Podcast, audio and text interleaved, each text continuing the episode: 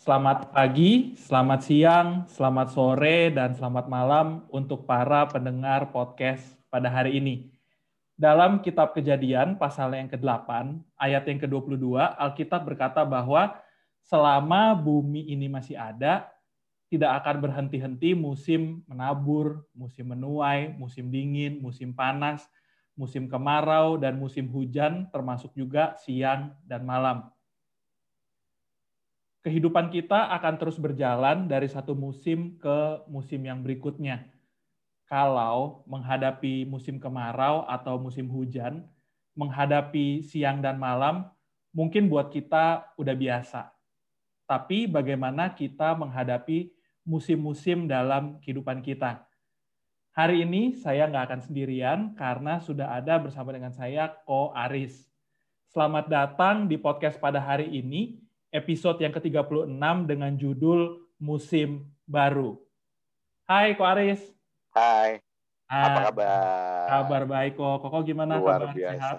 Luar biasa sehat, puji Luar Tuhan. biasa sehat. Puji Semuanya Tuhan. baik. Iya. Semua baik. Tuhan selalu baik. Puji Tuhan. Amin. Amin, amin. Nah, eh, nanti saya akan ceritakan gimana saya bisa kenal sama Ko Aris karena ini ceritanya menarik juga gitu ya. Tapi eh, sebelum ke situ eh, di podcast pada episode yang ini tentang musim baru, saya percaya banget Ko Aris punya sesuatu yang bisa di-share tentang musim baru ini. Boleh langsung di-share aja kok, dimulai. Boleh, boleh. Boleh, siap, siap. Ya. Eh, aku sambut dulu ya para pendengar podcast. Tadi selamat pagi, selamat siang, selamat malam, selamat sore.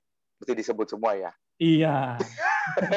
Jadi kalau yang benernya pagi Iya. merasa Selamat di merasa disambut, yang Iya, benernya betul, malam betul, merasa betul. disambut. Jadi nggak ada yang left behind.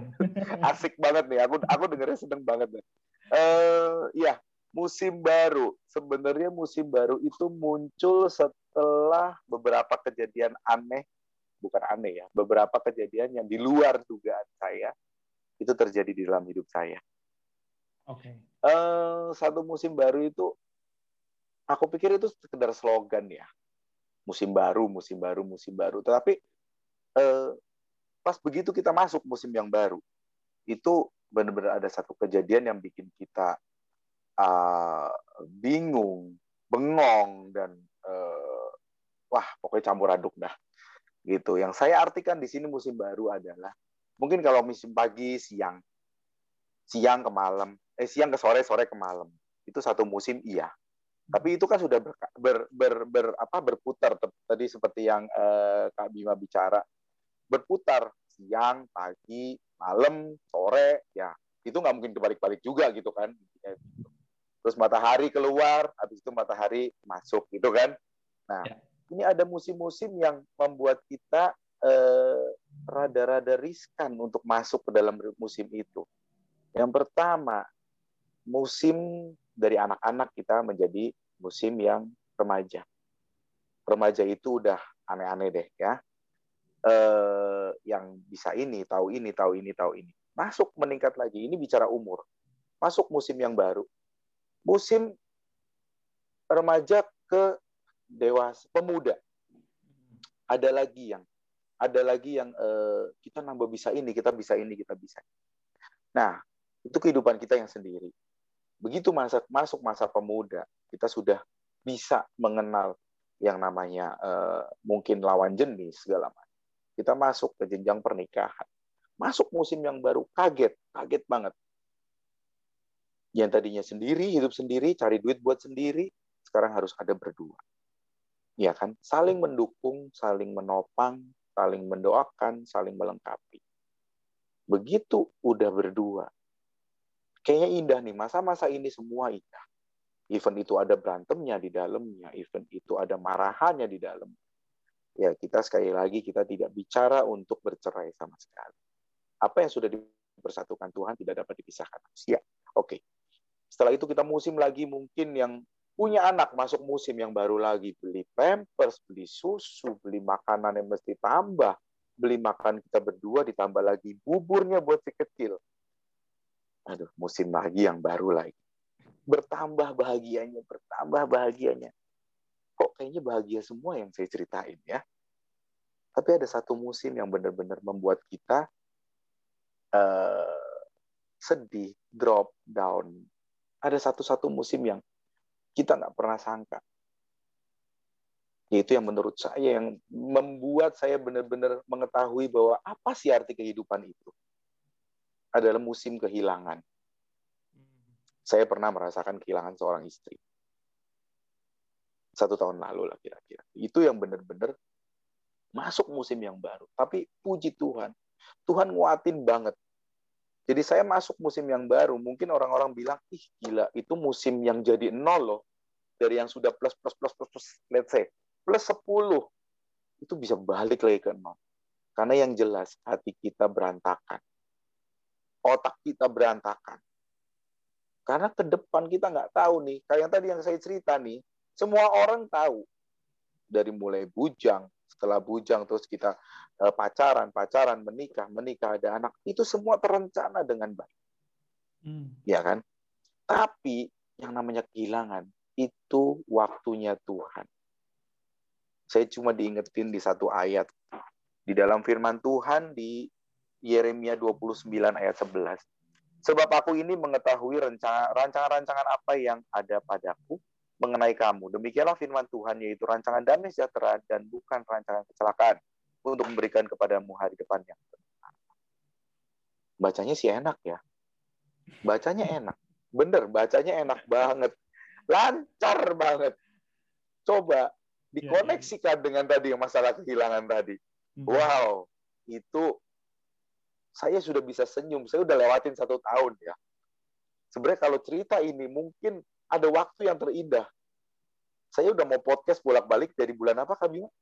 Januari. dari Desember. Januari, iya. Akhir Desember, Desember, akhir ya. Desember. Karena mau masuk tema musim yang baru untuk menyambut tahun 2021. Betul. Tapi ternyata sekarang sambutan musim baru, musim baru anak sekolah nih naik kelas ya.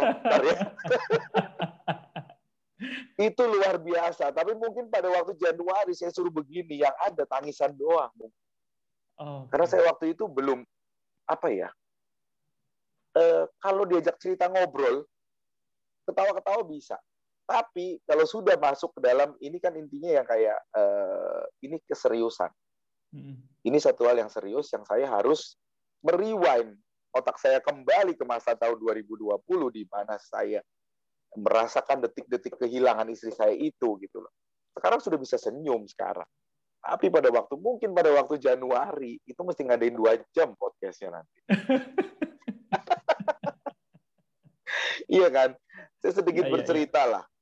Uh, saya mengalami itu semua dari mulai sampai akhirnya saya menikah. Ya udah, let's say kita bicara start menikah.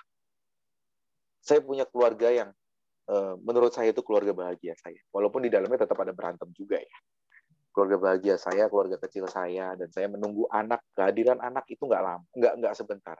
Saya menunggu kehadiran anak tujuh tahun. Itu dalam waktu tujuh tahun saya cuma pacaran doang. Saya intinya cuma pacaran aja sama sama sama sama istri saya. Tuhan bikin semuanya indah, semuanya baik. Dengan tiba-tiba ini, ini, ini, ini, ini, semua terencana dengan tapi ada satu hal yang tidak terencana dengan baik dengan tiba-tiba istri saya stroke. Yang pertama di tahun 2018. Sempat hmm. sembuh, keluar masuk keluar masuk rumah sakit hingga tahun 2019 itu ada lima kali keluar masuk rumah sakit dengan kondisi sembuhnya pulih, benar-benar pulih karena dia bisa nyetir lagi walaupun akhirnya nabrak sih sempat nabrak juga. Tapi itu luar biasa sampai akhirnya Sampai akhirnya di tahun 2019 itu eh, pada suatu saat dia terdiagnosa bahwa bukan stroke tapi ya dia stroke tapi karena darahnya yang kurang kurang darah. Jadi eh, kalau saya ditanyain istrinya stroke tuh eh, darah tinggi ya? Oh enggak sama sekali darahnya malah cenderung rendah justru. Hmm. Tapi dia kurang darah, dia enggak eh, darahnya berkurang. Sampai ternyata ada satu penyakit yang memang uh, penyakit kelainan darah, tapi bukan cancer, bukan penyakit cancer. Tapi mungkin saking pusing kali dia, jadi uh, sampai suatu saat singkat cerita dia eh, tiba-tiba masuk rumah sakit dan stroke waktu itu karena otaknya sebelah kanan kosong jadi mati di tubuh sebelah kiri. Kemudian diobatin pakai pakai diinfus satu minggu harusnya satu minggu selesai dan dia sehat. Saya nggak tahu ada kejadian apa. Intinya begitu saya udah mau pulang ambil baju di rumah, saya ditelepon sama uh, seseorang dia bilang mesti masuk ICU di situ saya merasakan benar-benar saya merasakan sudah nggak punya istri. Karena masuk ICU itu dia dalam keadaan koma.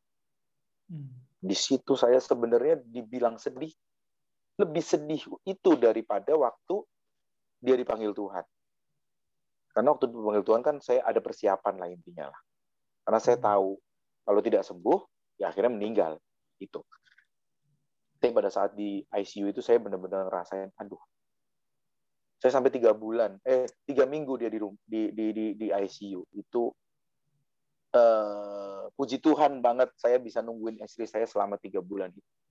Di rumah sakit di ICU saya nunggu dan saya tidak pernah pulang saya dibawa apa eh, baju-baju segala macam saya dibawa sama mertua saya anak saya diurut sama mertua saya itu luar biasa masuk musim yang itu itu benar-benar yang kayaknya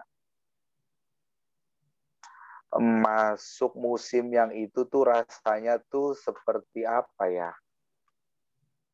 Musim yang baru yang nggak pernah, kayaknya nggak pernah kita nggak pernah pengen kita masukin. Hmm. Apalagi masa-masa di ICU, masa-masa di rumah sakit itu, menurut saya masa-masa kesakitan banget ya. Baik dianya juga sakit, sayanya juga sakit, tapi puji Tuhan, Tuhan luar biasa. Selama tiga bulan saya di rumah sakit, saya tidak pernah sakit sama sekali saya tidak pernah nyentuh obat sama sekali. Itu benar-benar Tuhan jaga. Bukan hanya jaga istri saya, tapi dia jaga saya juga. Hmm. Dengan kondisi bisa pulih. Keluar dari ICU, dia bisa bicara walaupun nggak banyak. Dia nggak bisa bergerak karena memang masih mati sebelah. Hmm. Setelah pindah ke kamar biasa, puji Tuhan dia bisa pulang ke rumah. Dan di rumah selama tujuh bulan sebelum dia meninggal. Tuhan kasih lihat Tuhan beracara buat dia. Darahnya tadinya suka turun. Saya hampirin transfusi dia darah itu berapa kali, itu berapa kantong dan berapa kali. Selama tujuh bulan di rumah tidak pernah nyentuh transfusi darah sama sekali. Hmm. Itu Tuhan jaga baik-baik sampai akhirnya sebelum meninggal itu iseng saya cek darahnya HB-nya di 13 dan itu udah mentok. Untuk untuk wanita itu 14 paling tinggi, eh, pria itu 17 eh, paling tinggi. Paling rendah perempuan di 10, laki-laki di 12 atau 14. Itu istri saya di 13 dan itu manteng, tidak pernah turun, itu tidak pernah pakai obat, tidak pernah masukin darah lagi. Itu hanya menggunakan ya eh, buah buah naga, buah-buahan segar lah, buah-buahan segar kita masuk. Hmm. Luar biasa dan Tuhan kasih kesempatan saya untuk jaga dia sampai habisnya sampai nutup matanya pun Tuhan kasih lihat dan itu benar-benar indah banget indah karena saya merasa saya sudah selesai. Maksudnya untuk merawat dia itu saya saya merasa saya sudah puas sudah cukup.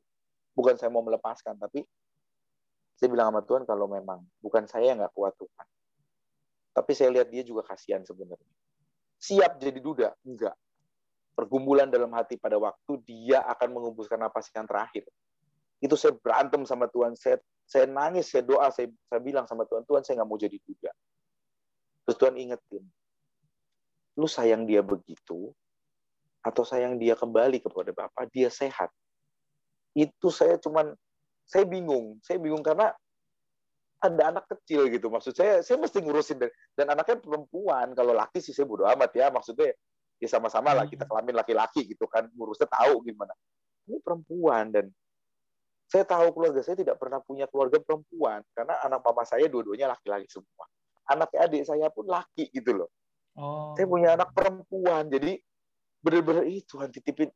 Aduh benar-benar pada waktu dokter sudah menyatakan sudah tidak ada sudah nol. Di situ saya gelap. Jujur secara manusia gue pengen ikut mati gitu. Intinya apa sih gue mau perjuangin apa lagi? Lu nya udah nggak ada gitu kan.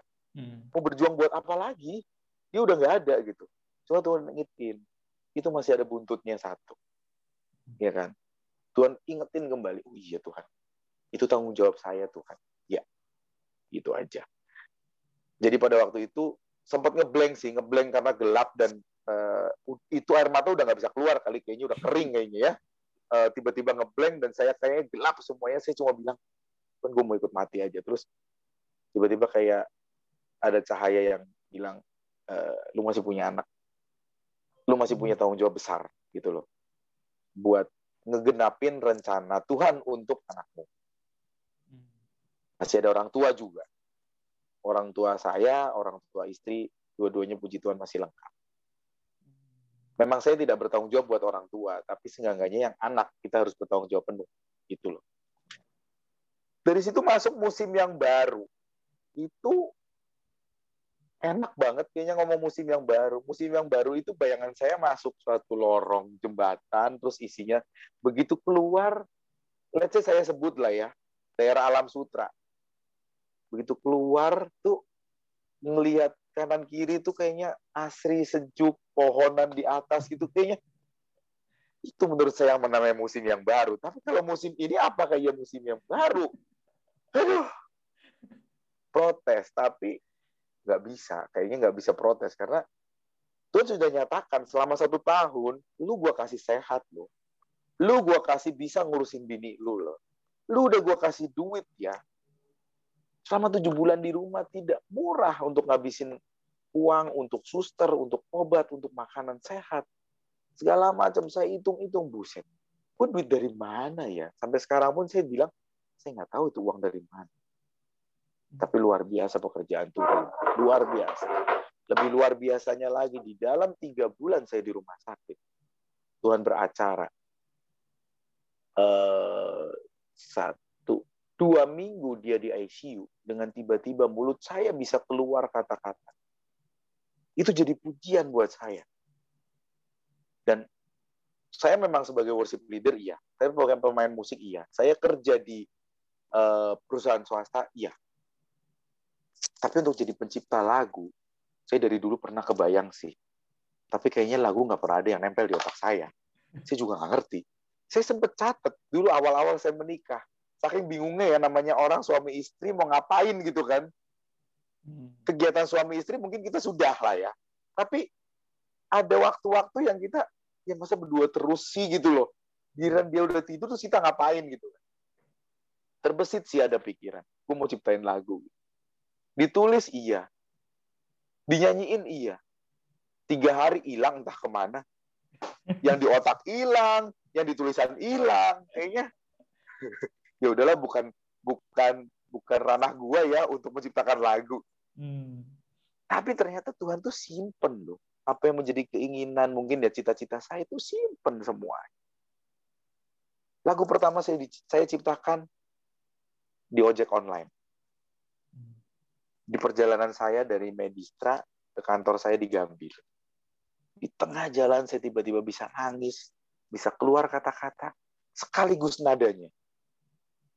Sampai akhirnya saya inget-inget, begitu sampai kantor. Saya pelan-pelan saya bisik-bisik. Karena saya takut semuanya denger kan. Mm-hmm. Saya bisik-bisik, saya rekam di handphone ini. Pelan banget. Terus begitu sampai di rumah sakit, di mobil, dalam mobil saya rekam. Saya bilang, bego banget ya, kenapa nggak dari tadi aja rekam di mobil ya?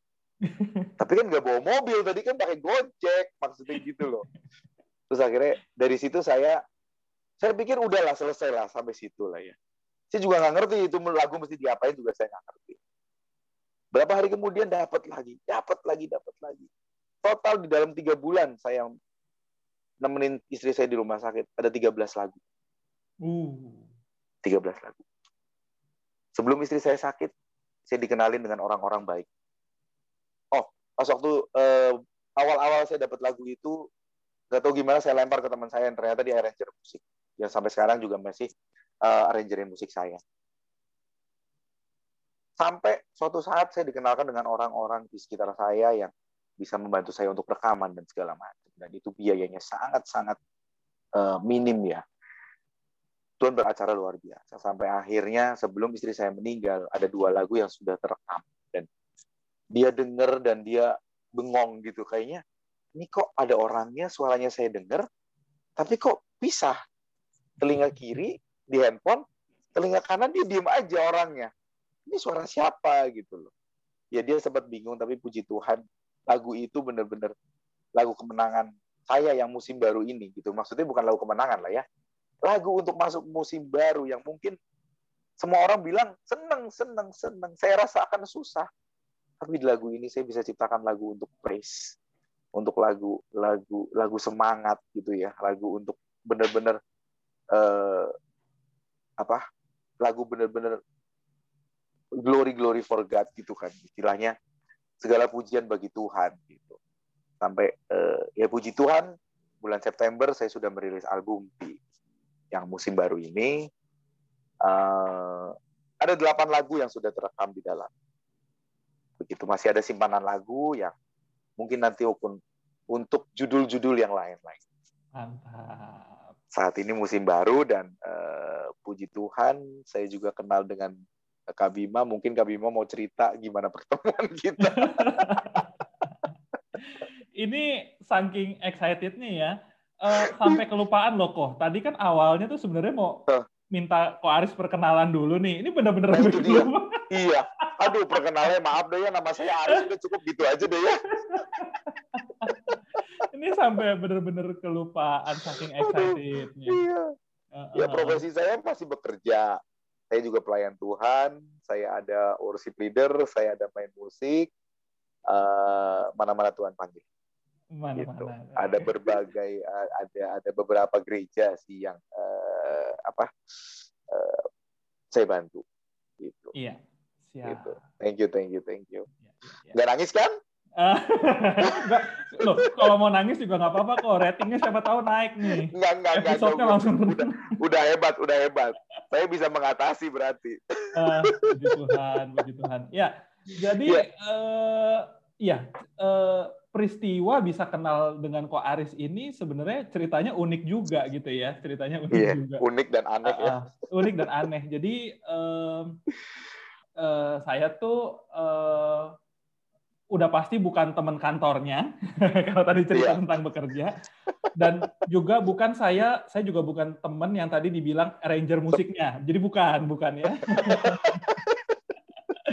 ya jadi ceritanya itu eh, saya gitu ya bisa kenal Ko Aris ini dari suatu peristiwa yang nggak diduga-duga gitu ya jadi uh, kalau tadi kok Aris tadi cerita tentang uh, seorang pelayan, kita juga nggak ketemu di mimbar pelayanan mana pun, ya. di tempat pelayanan mana pun, gak pernah. juga nggak nggak pernah ketemu. Belum pernah, belum pernah, belum pernah. Betul, betul.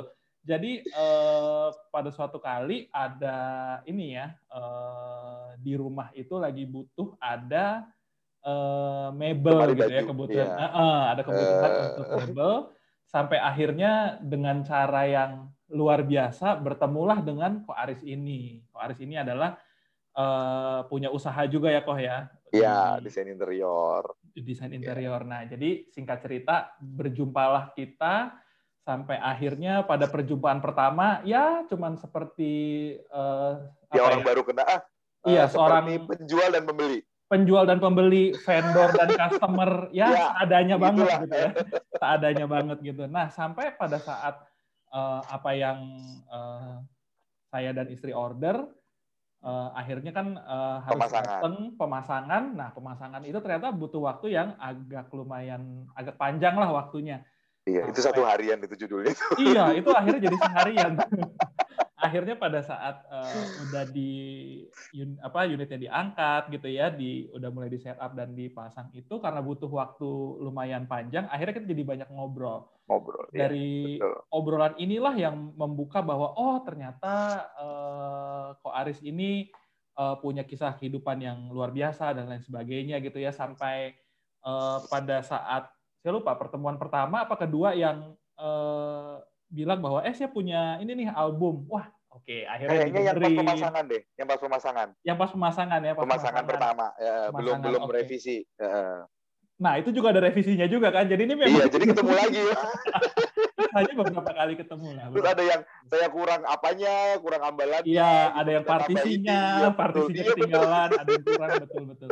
Nah, jadi sepanjang ber, beberapa kali bertemu itu nggak tahu kenapa kita tuh kayak ngerasa cocok aja gitu, klik yeah. aja. Padahal awalnya kan saya juga nggak terlalu uh, yeah. antusias gitu ya, nggak yeah. terlalu antusias. Maksudnya cuma ya, cuman berpikir, oh, klien gitu ya. Uh, ada vendor yang datang, lagi mau ada pemasangan, oh ya udah. Ya udahlah gitu loh. Biasa betul, aja. Betul, Tapi betul, pada saat mulai cerita, berbagi kehidupan, ternyata yes. ada kisah uh, Ko Aris gitu ya tentang musim yang baru di mana mengalami kehilangan orang yang dikasihi. Ya.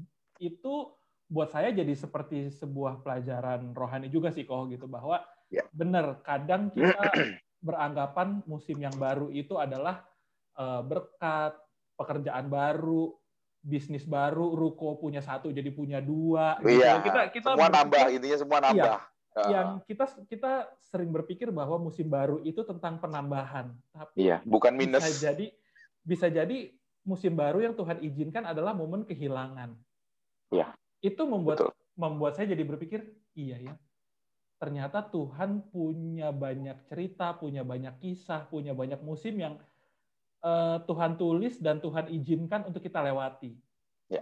nah Betul. kadang ada momen-momen yang kita tuh nggak bisa antisipasi betul banget betul banget nah nah saya mau ada pertanyaan nih buat Ko Aris nih kadang kan orang suka bilang gini nih kok kalau misalnya musim baru itu kan pasti ngomongin perubahan ya entah Betul. penambahan atau pengurangan lah. Iya. Gitu. Itu Sekarang makna, kita udah tahu itu ada maknanya orang masing-masing lah gitu. Tapi ada orang yang bilang suka bilang-bilang bilang gini kan kok. Aduh, kalau perubahan tuh kayaknya tiba-tiba itu bakal lebih menyakitkan deh dibanding Betul. kalau perubahannya tuh waktunya agak panjang, kita bisa hmm. persiapan gitu ya. Nah, ya. ada komen nggak kok tentang uh, kalimat atau apa ya anggapan orang uh, seperti itu? Biasanya itu kan umum orang suka bilang ya. ya. Betul seperti yang tadi saya bilang, perubahan yang direncanakan mungkin itu dari kita. Hmm. Terencana lah ya. ya. Bayi lahir 9 bulan. Direncanakan dong. Ya, ya kan? Kita nggak tahu pada titik tertentu, di bulan keberapa, amit-amit kehilangan keguguran. Hmm. Siap atau tidak siap? Kebanyakan orang bilang tidak siap. Ya kan? Hmm. Kayak tadi eh, saya dibilang persiapan, saya persiapan loh. Persiapan untuk menghadapi hmm. kehilangan persiapan. Tuhan kasih kok persiapannya, nggak sebentar loh. Itu dari tahun 2019, tanggal 11 Juni 2019. Sampai ketemu di April, 12 April 2020, itu hampir satu tahun. Hmm. Itu persiapan. Apakah di titik nol itu kamu siap? Tidak. Nggak ada yang siap. Nggak ada yang siap. Apalagi yang namanya kehilangan itu benar-benar kita nggak bisa ngomong. Aku siap oh, istri gue ini. Istri gue meninggal karena gue udah tahu dia akan meninggal. Karena gue udah tahu dia udah sakit. Lebih baik dia diambil Tuhan deh. Jadi dia juga suka cita di sorga. Itu kalimat sekedar keluar bukan dari hati, saya yakin. Hmm. Saya yakin. Itu hanya untuk menghibur diri dan sampai saat ini pun tidak ada yang bisa menghibur hati saya. Jujur aja. Tidak ada orang yang bisa menghibur hati saya. Kalimat sebagus apa pun. Itu hanya Tuhan yang bisa nambelin hati saya yang luka. Intinya gitu. Pada saat kehilangan teng, titik nol itu, semua orang datang, semua orang pelokin saya, semua orang ciumin saya. Bisa ngobatin. Saat itu saya senyum bisa. Bisa banget, apalagi di rumah duka. Saya bisa senyum. Tapi di dalam nggak ada yang tahu. Ada rencana-rencana apa yang aku mau bikin nih nanti habis ini gue udah gue nggak mau kenal Tuhan lagi mau. Ada gue benci banget sama Tuhan. Atau gue punya nasar gue nggak mau urusin anak gue. Terserah mau urusin siapa. Kita nggak tahu di dalam kita apa. Hmm. Ya kan? Karena pada saat kehilangan itu, kita juga nggak tahu keadaan kita lagi bagus atau tidak, lagi kaya atau miskin, lagi ada proyek atau tidak, lagi karir bagus atau tidak. Itu. Jadi untuk setiap momen kehilangan dan setiap momen masuk musim yang baru, itu pasti judulnya momen kagetan. Nah, momen kagetan itu, dari momen kagetan itu, terserah otak situ mau ambil yang bagus, mau ambil yang biasa, mau ambil yang buruk. Hmm. Itu pilihan semuanya. Hmm. Intinya itu. Gitu.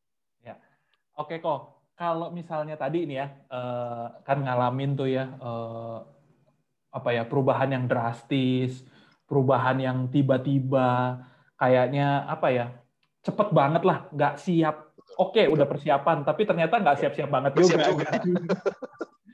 nggak ada orang yang benar-benar siap lah intinya nggak, gitu nggak ya. Ada, nggak ada. Nggak ada orang yang oke, okay, nggak ada. Nah, uh, satu pertanyaan gini kok. Pada momen-momen itu ada nggak momen-momen di mana uh, kok Aris tuh kayak denial gitu, maksudnya uh, nggak kok gue nggak sedih deh gitu, atau kayak uh, nggak kok gue kuat, uh, gue kayaknya baik-baik aja, gue kayaknya bisa deh gitu. Ada nggak momen-momen kayak gitu atau bener-bener kalau kok Aris pribadi gitu ya ngalamin kayak langsung der gitu. Udah deh meledak aja nih apa hancur berantakan banget deh gitu. Pada saat di titik eh, keputusan dokter bilang nggak ada di situ berantakan banget. Hmm. di situ berantakan banget. Cuma di sisi lain Tuhan terus terus kasih kasih kasih hatinya Tuhan buat aku lah ya intinya ya. Terus hmm. kasih hatinya Tuhan buat aku. Saya nggak bilang saya nggak sedih. Tapi saya berusaha untuk menguatkan orang juga karena saya beberapa kali uh, ada banyak cerita lah ya. Mm-hmm. di dalam kesakitanmu manakala kamu memberikan uh, sharing tentang kesakitanmu kepada orang-orang di sekitar kamu mana manakala itu terjadi buat kamu. Di situ hati kamu akan dikuatkan dan itu obat buat kamu. Mm. jadi intinya satu unek-unek yang saya nggak bisa keluarkan saat itu bisa dikeluarkan dan itu akhirnya lega. Mm gitu loh. Dan eh, saya mencoba untuk kuat iya. Karena kan tamu. Tamu eh, tamu datang pasti berpikir panjang ah nyaris masih nangis. Enggak. Gue harus bisa sandiwara saat itu. Sampai di titik tertentu saya benar-benar lagi sendiri di situ. Dan Tuhan bikin luar biasa. Saya sendiri selalu di mobil Tuhan hmm. jaga dengan Roh Kudus. Saya nggak pernah nangis sampai akhirnya nabrak itu amit-amit ya. Enggak. Iya. Saya sampai sebanjir-banjir apa pun, saya bisa mengendalikan tangan dan kaki itu luar biasa. Hmm. Itu itu Tuhan luar biasa di situ. Tapi ya uh, yang benar-benar uh, saya nggak bisa terima tuh pada saat setelah dikubur beberapa waktu saya ke kuburan. Saya cuma mikir, gue datang dari kampung pada tahun 97 ke sini, Bujangan. Terus singkat cerita, ya kalau orang lihat hidup gue mungkin seneng ya. Sampai akhirnya saya bisa menemukan istri, bisa dapat anak segala macam. Tapi kebayang nggak sih di usia gue yang baru 41 tahun waktu itu, saya harus ke dalam, saya harus masuk ke kuburan, saya harus nenteng bunga yang notabene bukan buat orang tua saya. Nah, kakek, nenek, orang tua, mama, papa, mertua gitu. Tidak. Itu bunga buat istri saya sendiri. Saya di situ tuh jatuh banget. Pertama kali saya ke kuburan dan saya di situ bingung banget. Gue di kuburan tuh mau ngapain sih? Gue mau ketemu sama siapa gitu loh. Di situ yang di yang yang ada di pikiran aku cuma seakan-akan Tuhan, oh hidup gue dimain-mainin doang ya ampun, gue dikenalin ini cewek, kawin cuma 12 tahun doang. Ngapain Tuhan mendingan usah dikenalin deh. Dia bilang gitu. Sampai akhirnya gue kudu yang kudunya 40 tahun itu paling gak gue masih cari kerjaan, cari duit gila-gilaan. Ini kekuburan bawa bunga, tabur bunga buat istri sendiri. Ya ampun, itu sedihnya kayaknya di situ tuh jatuh banget tuh di situ. Di awal-awal eh, beberapa bulan pertama itu di kuburan pasti nangis, pasti nangis ya sampai sebelum satu tahun sih kadang-kadang cuman uh, apa intensnya udah mulai berkurang lah gitu. Di satu tahun kemarin ke kuburan sih udah oke okay lah. Kita ajak anak ajak orang tua saya itu oke okay, semuanya baik. Nangisnya sedikit hanya nyesek sedikit aja sih gitu. Iya. Gitu. oke nah uh, balik lagi nih kok. Kalau tadi gitu kan ya cerita tentang kesedihannya gitu hmm. ya cerita tentang apa ya momen di mana kayaknya uh, momen ya, nolnya oh, oh. nolnya gitu. Bahkan minus kali ya, bukan nol ya. Minus iya, kali itu. Bisa betul, jadi, bisa jadi iya, momen minus iya. udah bukan Memang, momen iya, nol lagi nol gitu lagi, ya. ya betul, betul, nah, betul. Kalau kita ngadepin kayak gitu kayak ya kok ya, biasanya kan respon pertama kita adalah gini, betul nggak siap, takut, aduh kayaknya lihat hari depan nggak tahu mau iya. bikin ya. apa, itu gelap punya, semuanya, nggak punya harapan bener gelap ya. atau apa segala macam. Nah biasanya di respon respon umum yang terjadi sama kita kalau kita ngadepin hal yang seperti itu, biasanya kita akan cari pegangan. Biasanya. Nah, kalau boleh tahu nih kok, apa yang membuat uh, kok Aris pada momen-momen itu tuh uh, nggak sampai terus terpuruk atau ya ngalamin kesedihan, tapi ada ngalamin momen kebangkitan dari kesedihannya, bisa kembali berfungsi sebagai orang tua, sebagai ayah, sebagai seorang pekerja. Apa sih turning point-nya kok yang membuat Koko tuh bisa seperti menemukan pegangan lagi dan oke, okay, ini momen grieving-nya udah uh, lewat, uh, aku mesti bangkit lagi, mesti bukan bukan mesti ya, maksudnya aku memilih untuk bangkit, memilih untuk kembali mengasihi Tuhan, gitu kan? Mungkin sebelumnya ada kekecewaan kah atau apa ya. gitu? Itu momennya apa kok? Atau turning point-nya kira-kira apa sih? Sebenarnya dari awal itu uh, saya nggak mungkin ngutukin Tuhan karena saya tahu Tuhan punya rencana dalam hidup saya. Intinya itu.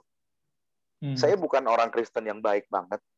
Saya bukan Kristen yang benar-benar apa-apa tuh Tuhan, apa-apa Tuhan enggak. Aku juga kadang-kadang masih ngaco, dan mulutnya ngaco, kadang-kadang kelakuannya juga ngaco gitu kan. Tapi eh, di satu titik saya cuma sadar bukan saya yang untuk memilih, Waktu itu saya juga pernah ditanyain sama timnya Solusi, SCTV. Dibilang, sama pertanyaan yang sama. Kok bisa sih? Sebenarnya dari kejadian yang nol bahkan minus itu, kok kok bisa milih ke clubbing loh? Hmm. Ya kan? Kok kok bisa milih ke mabok-mabokan loh? Atau hmm. kok kok bisa milih ke yang bikin koko fly apa? Balik ke ngerokok lagi dong hmm. balik ke uh, narkoba umpamanya. But itu saya cuma bilang satu. Dari awal saya lahir, itu Tuhan sudah pilih saya. Intinya itu. Hmm. Bukan saya memilih. Jadi saya juga nggak mau kayak sok suci. Wah Tuhan selalu ituin saya. Enggak. Pada saat saya kehilangan, nggak ada Tuhan di situ kok. Seperti yang Yesus rasakan. Hmm. Dia mau mati. Gak ada Tuhan di situ. Dipanggil Eli, Eli lama sabakani. Gak datang Tuhan ya. Diem aja di sorga. Itu yang saya rasain. Gak ada, gak ada yang gak ada yang deketin saya gitu. Cuma di satu sisi, uh, saya sadar sadar sadarnya. Tuhan sudah latih saya dari waktu istri saya sakit. Hmm. Saya bisa menjadi seorang ayah, saya bisa menjadi seorang suami, saya bisa menjadi seorang anak buat istri saya. Saya bisa menjadi orang tua buat istri saya. Ayah ataupun ibu. Itu yang Tuhan bikin. Saya bisa jadi pembantu di rumah. Saya bisa jadi supir untuk keluarga saya. Saya bisa menjadi mencari nafkah untuk keluarga saya. Itu yang Tuhan langsung kayak gabrukin lagi. Tanggung jawab lu masih banyak. Mau sampai kapan lu diem? Oke, saat itu saya bilang, Tuhan sudah latih saya mengambil alih semua bagian saya, bukan hanya sebagai seorang ayah, tapi semua profesi saya jalani. Saya yakin Tuhan akan menguatin saya. Tapi nggak sampai situ ya. Hmm. Suatu saat iya bener. Wah, mengebu-gebu. Tuhan kasih kerjaan, Tuhan kasih proyek musim baru itu. Itu yang membuat saya lupa. Lupa bahwa saya sedang sedih itu. Selama beberapa kali kita masuk dapur rekaman. Itu yang membuat saya lupa. Tuhan kasih agak belok dikit deh. Hmm. Ya kan? Enggak, enggak, se, enggak sepanjang waktu itu saya nggak ngutukin Tuhan. Ada, saya teriak juga, Tuhan, ini duit kurang. Tuhan, ini belum jadi Tuhan. Tuhan, proyek ini nggak bagus Tuhan. Tuhan, proyek ini rugi Tuhan. Hmm. Ada gitu loh. Enggak, eh, nggak semuanya berjalan mulus gitu tapi intinya apa pun yang saya lakukan saya juga nggak tahu Tuhan terus tarik Tuhan terus tarik. Makanya bukan saya yang memilih ini semua. Kalau boleh pilih, seperti yang tadi saya ngomong, kenapa sih Tuhan gue ketemuin nama dia? Kalau jadiannya cuma 12 tahun doang. Iya kan? Ya, ya. Minggu nggak usah kawin ketahuan. Kagak ada tanggung jawab anak, kagak ada tanggung jawab yang lain-lain. Ini begitu kan? Hidup-hidup gue sendiri. Gue mau di Jakarta kayak, gue mau di Bali kayak, gue mau di mana gue gitu kan. Ya, tapi memang nggak bisa ngelak dari itu semua. Sekali lagi tadi Yeremia 29 ayat 11. Rancangan Tuhan itu adalah rancangan. Bukan rancangan kecelakaan. Mengamalkannya berat sih. Hmm. Kalau ngomong sih mungkin gampang ya. Ya, ya, ya. Hmm. Tapi dari situ, ya itu dia. Jadi sekali lagi bukan bukan saya yang memilih untuk jadi orang baik. Ya. Tapi ya sekali lagi emang Tuhan yang memang sudah menggariskan saya seperti ini gitu. Dan nggak tahu gimana itu sorry sorry kata. Orang yang minta konseling udah mau cerai udah cerai ada yang suaminya meninggal ada beberapa yang suaminya meninggal. Tuhan izinkan itu semua datang ke saya. Saya bilang Tuhan gue juga sedih kali. Kenapa gue suruh ngobatin mereka? Gitu loh. Itu bukan tanggung jawab gue Tuhan. Tapi datang terus itu. Intinya, lu jangan bercokol dengan kesedihan lu. Ya, kesedihan lu bagiin ke semua orang. Ya, kesedihan lu itu hiburan buat semua orang, hiburan buat mereka. Jadi mereka bisa lihat, lu kuat. Lu ada, lu masih bertahan, lu masih jadi seorang ayah. Ya kan? Bahkan sampai saat ini saya masih rutin mengunjungi kuburan dua minggu sekali gitu. Bukan saya tidak membuka hati untuk istri uh, untuk istri maaf untuk wanita-wanita lain. Cuman uh, ya ya saya masih dengan saya yang dulu gitu. Intinya gitu ya. aja sih. Gitu. Ya ya ya.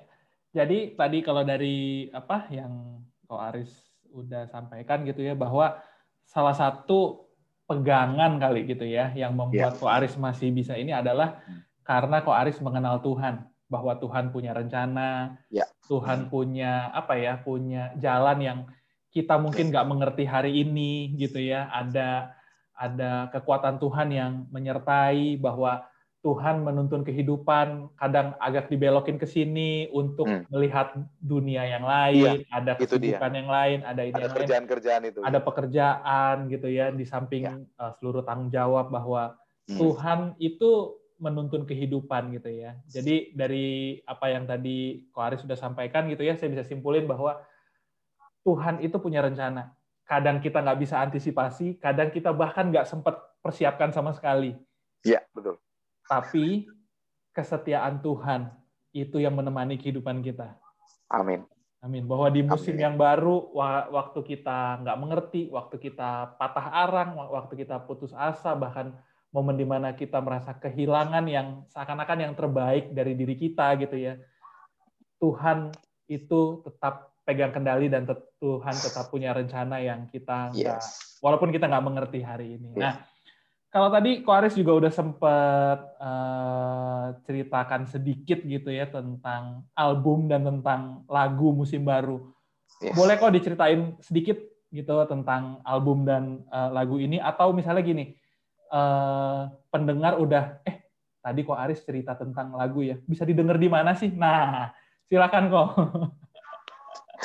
Yang jelas didengar di uh, ada Spotify ada YouTube Music ada Deezer ada TikTok juga ada loh dimasukin ternyata loh. Saya juga wow. Pengen, saya juga pengen coba sih sebenarnya TikTok karena saya belum ngerti sama sekali. Oh gitu gitu. Ada okay. beberapa plat platform yang memang sudah dimasukin dan uh, searching aja mungkin Aris D Sugianto.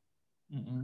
Aris D Sugianto atau album Kayak Kue Bae. Ini sekali lagi maaf banget ya. Bukan rasis ya. saya asli Jawa soalnya itu kayak kue bayi itu juga ada ceritanya. Kayak kue bayi itu dalam bahasa Indonesia kayak seperti itu saja. Oh, Oke. Okay. Ya, sedikit cerita tentang kayak kue bayi itu saya dapetin itu kata-kata memang sangat membangun saya. Itu kata-kata mungkin kalau orang Tegal asli dengan saya, saya coba bilang, orang gila pakai kata-kata begitu. Kayaknya tuh kata-kata yang kasar banget gitu loh. Itu ya kayak kue bayi gitu. Karena di sana orang cuma bilang, ya gitu aja udah. Lu gak usah pikirin. Tapi di balik semua ini, Tuhan kasih loh. Kenapa saya bisa, bisa pakai begini begitu? Nggak, nggak asal, nggak asal kita kasih itu, tapi ada sejarahnya juga. Intinya apa yang sudah Tuhan ucapkan di dalam firman Tuhan dan di dalam hati kita. Itu aja yang kita lakukan. Kayak kue bayi itu yang dilakukan. Gitu aja. Atau bisa dicari di Spotify juga album musim baru. Gitu. Kalau mau beli CD-nya, nanti boleh ke eh, podcast pada suatu hari juga nggak ada masalah. Nanti Kak Bima yang tinggal hubungin saya. Siap. Nggak ada masalah. Eh, CD dijual bebas kok. Bahkan saya sedikit kesaksian. Lagu pertama didengarkan oleh orang bukan kalangan orang Kristen. Bukan bukan kalangan orang Kristiani. Dia bilang, Pak, maaf Pak, itu lagu bagus sekali. Judulnya Ku Percaya Mujizat. Nanti di searching juga ada Ku Percaya Mujizat. Di di di, di album itu juga ada. Uh, lagu pertama. Uh, cuman saya agak terganggu dengan ada satu kata biji mata. Hmm. Di situ saya bisa menjelaskan sedikit, biar dia terbuka. Kamu punya biji mata? Punya. Tapi kok katanya kasar banget ya Pak? Iya kasar. Mungkin bagi sebagian orang itu kasar. Apa sih yang lebih halus daripada sekedar biji mata? Itu apa yang lebih halus? Bola mata. Bola mata nanti ada sepasang mata bola. Lain lagi ceritanya saya bilang. Oke deh, oke deh. Kenapa pakai biji mata itu? Kamu punya mata, dilindungi nggak? Kamu punya mata, kalau kelilipan sedikit, gimana? Tiupin dong, tiupin dong, pasti kan begitu. Hmm. Iya kan? Tangan kena debu, lu diemin aja. Mata kena debu, geger, pasti. Hmm. Kuping kena debu aja biasa, bisa dikorek, bisa dikorek gitu. Hmm. Mata kena debu, itu cuma sedikit, bahkan mungkin yang nggak kelihatan ya. Heboh. Nah, sebagaimana kita menjaga mata kita, sebagaimana juga Tuhan menjaga kita sebagai biji matanya. Itu hmm. mau bilang begitu. Kok dari lagu pertama, eh, dia bilang, Pak, dari lagu pertama saya dengerin, Pak. Maaf ya, Pak. Saya jadi pengen cepet-cepet pulang, Pak. Saya jadi pengen cepet-cepet ketemu istri saya, Pak. Saya nggak mau ngilangin momen-momen di mana saya berdua dengan istri saya. Dan saya jujur aja sekarang saya lagi agak sedikit kelas di rumah tangga. Dengar lagu Bapak. Saya pengen cepet-cepet beresin deh pak kata dia. gue bilang wow. hah sebegitu dalamnya saya bilang gitu iya iya itu orang yang baru kenal saya baru kenal saya gara-gara saya nongkrong di kopi. Tempat kopi hmm. dekat rumah saya. Hmm. segala sesuatu Tuhan bisa pakai kok. Ya. gitu. Ya ya yang mau dengerin monggo silahkan. Eh, saya nggak mungkin dong ngomong lagunya bagus banget lo gitu ya iyalah lu yang ciptain gitu. Tapi sekali lagi itu kata-kata sama sekali bukan dari saya. Itu nada sama sekali bukan dari saya.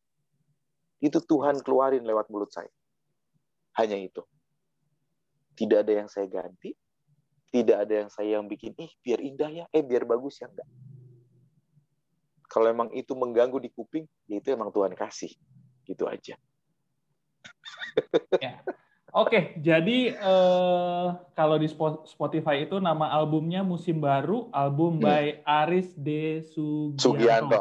tahun 2020. 20. Ya, ada yes. ada album dan ada uh, dua single juga ya kalau di Spotify. Nah, kalau di YouTube-nya udah udah udah banyak sih YouTube. Ini lagi aku bikin lagi terus yang cuman kata-katanya aja yang nggak nggak ada videonya. Iya itu di YouTube musik juga ada. Oke, ada ini kok kalimat atau pesan-pesan terakhir sekitar dengan musim baru yang mau dibagiin kepada pendengar hmm. podcast pada hari ini? Hmm. Kata-katanya satu sih, Tuhan nggak pernah merancangan yang jahat. Hmm. Rancangan Tuhan pasti indah. Kadang mata kita yang kita benerin. Kadang kita nggak bisa lihat rencana indah Tuhan. Karena apa? Mata kita terlalu banyak melihat dosa. Mata kita terlalu tertuju pada dosa kita. Itu aja. Kalau mau lihat rancangan Tuhan, cuci muka dulu, hapus matanya, eh hapus matanya, aduh, hapus air matanya, hapus apa bahasa Indonesia-nya apa tuh ya? Eh, tai mata tuh bahasa Indonesia ya pak ya? Belekan, ya, belekan. Begitu pokoknya. Kotoran di mata itu. Ya, kotoran mata. Hapus semuanya. Ya. Dan kamu akan melihat satu rancangan yang luar biasa Tuhan tentukan buat kita. Wow, sering kali bukan kita, uh, bukan apa Tuhan sudah bikin rancangan yang luar biasa indah buat kita. Tapi kita yang nggak bisa lihat karena memang kita tidak memandang Tuhan, tapi kita memandang ya. ke arah yang lain. Oke, ya, terima kasih sudah mendengarkan podcast pada hari ini. Untuk update informasi, kunjungi Instagram podcast pada hari ini di @podcast pada hari ini. Dan apabila ada pertanyaan ataupun respon dari setiap episodenya, kirimkan ke email podcast pada hari ini at gmail www.yesus.com. Sampai jumpa di episode berikutnya. Tuhan Yesus memberkati. Memberkati.